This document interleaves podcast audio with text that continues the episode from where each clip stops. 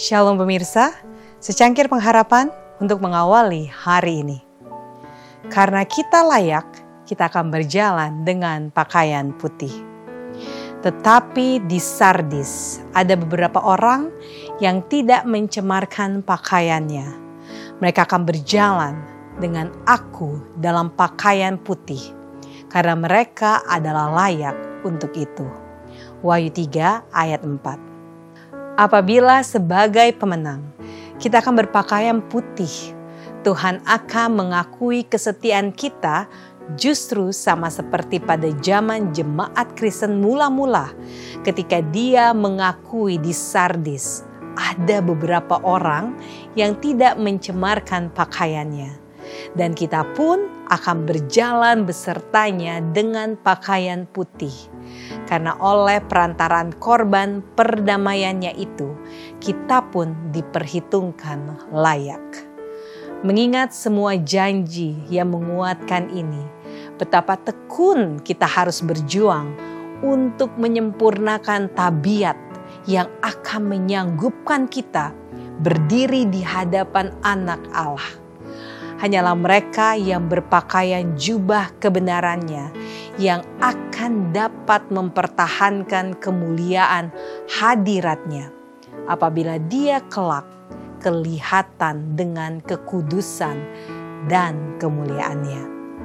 Ini berarti besarlah maknanya menjadi seorang pemenang. Segala serangan musuh dan semua perwakilannya yang jahat harus dilawan dengan tegas. Setiap saat kita harus berjaga-jaga.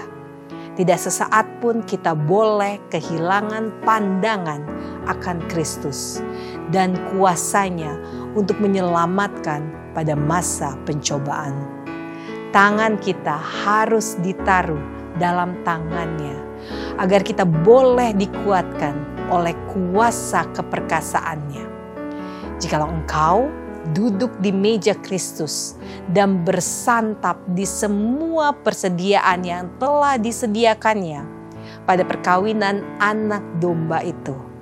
Engkau harus memiliki pakaian khusus yang disebut pakaian perkawinan, yaitu jubah putih kebenaran Kristus.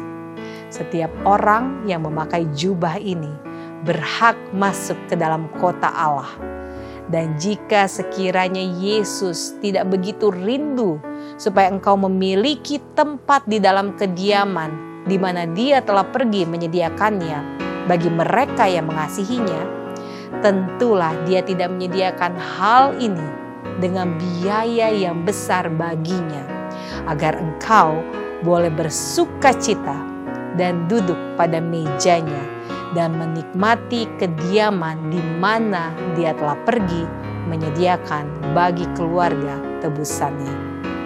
Demikianlah renungan kita hari ini. Selalu mulai harimu dengan secangkir pengharapan.